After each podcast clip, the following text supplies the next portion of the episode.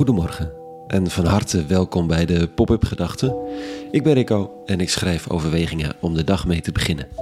Vandaag vanuit Bosnië, waar ik op reis ben om podcasts op te nemen met inwoners die zich inzetten voor vluchtelingen. De titel van vandaag: Van buiten of van binnen. Pop-up Gedachten dinsdag 11 oktober 2022.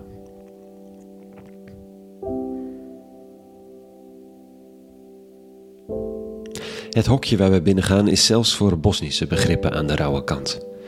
Binnen hangen rekken met kleding, liggen broeken en shirts gestapeld, slaapzakken en dekens. Het is, het is de simpelste voorraadkamer die ik ooit heb gezien. Maar de man die het runt is allerminst simpel.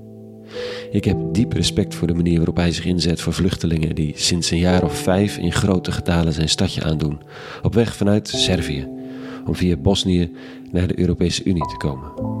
Hij is moe al jaren. En dat kan ook haast niet anders, want hij is er altijd. Altijd bezig, altijd aanstaan. De afgelopen uh, vijf jaar is hij misschien twee of drie keer niet op het busstation geweest, s'nachts. Het busstation is de verzamelplek. Hij werd even wereldnieuws in 2019, toen de besneeuwde perrons vol stonden met tentjes waarin vluchtelingen lagen te slapen. Bijna duizend mensen verbleven toen op dit busstation. Hij is grappig, kritisch, eigenwijs, vol energie en moe. Alles door elkaar.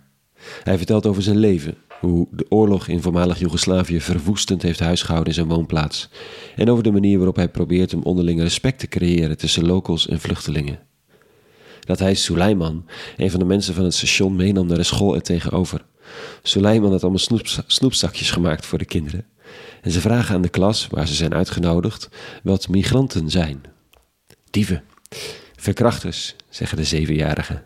Er is er maar één die zegt: mensen zoals wij. Dan vertelt Suleiman over zijn leven. Snoep wordt uitgedeeld en de kinderen schrijven bedankbriefjes. Zo simpel. Zo levensveranderend. Het zijn niet eens de absurde verwijten of de scheldkanonades van sommige van de mensen om hem heen die hem het meest dwars liggen. Het zijn vooral de organisaties die hier komen om te helpen.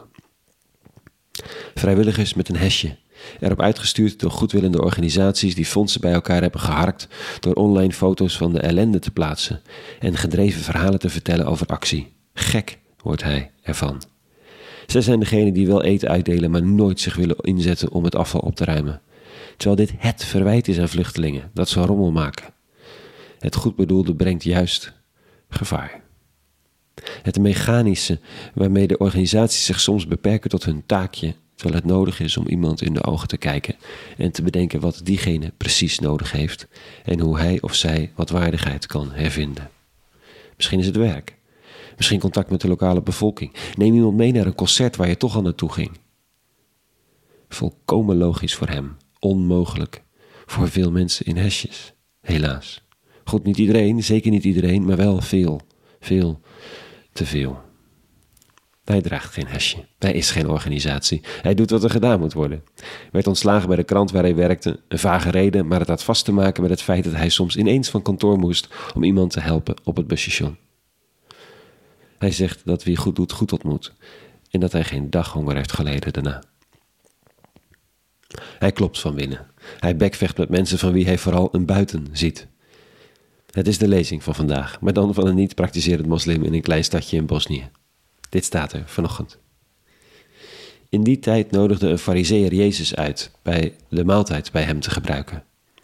Jezus trad binnen en ging aanliggen.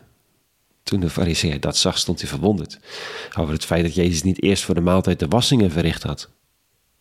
Maar de Heer sprak tot hem, en gij dan, fariseer, gij maakt wel de buitenkant van beker en schotel schoon, maar van binnen bent u vol van roof en slechtheid. Dwazen. Heeft hij die de buitenkant maakt ook niet de binnenkant gemaakt? Geef liever wat erin is als aalmoes. Dan is voor u alles rein. Nijdig lijkt de man van Nazareth. Zijn negeren van de goede zeden is een provocatie. Hij heeft iets te zeggen. Die opgepoetste buitenkant, in welke vorm, uniform of hesje dan ook, die heb je op orde, maar van binnen gebeurt er niets. Roof, gedoe, pronken met andermans sferen. Het gebeurt hier allemaal. Vergeet wat je plan was. Vergeet de beker en je taakstelling. Geef wat je hebt als gift aan de ander. Geef jezelf. Dan maakt het niet meer uit hoe het eruit ziet. We vertrouwen nogal eens op officiële kanalen die moeten helpen. Mensen met hesjes, uniformen of een overheidsding. Maar die kan maar beperkt doen wat elk mens wel kan doen: zichzelf ter beschikking stellen. Dat is waar de man van Nazareth op uit is. En waar deze man in dit stadje in Bosnië een levend voorbeeld van is. Tot zover vanochtend. Een hele goede dinsdag gewenst. En hier vanuit Bosnië vrede. En alle goeds.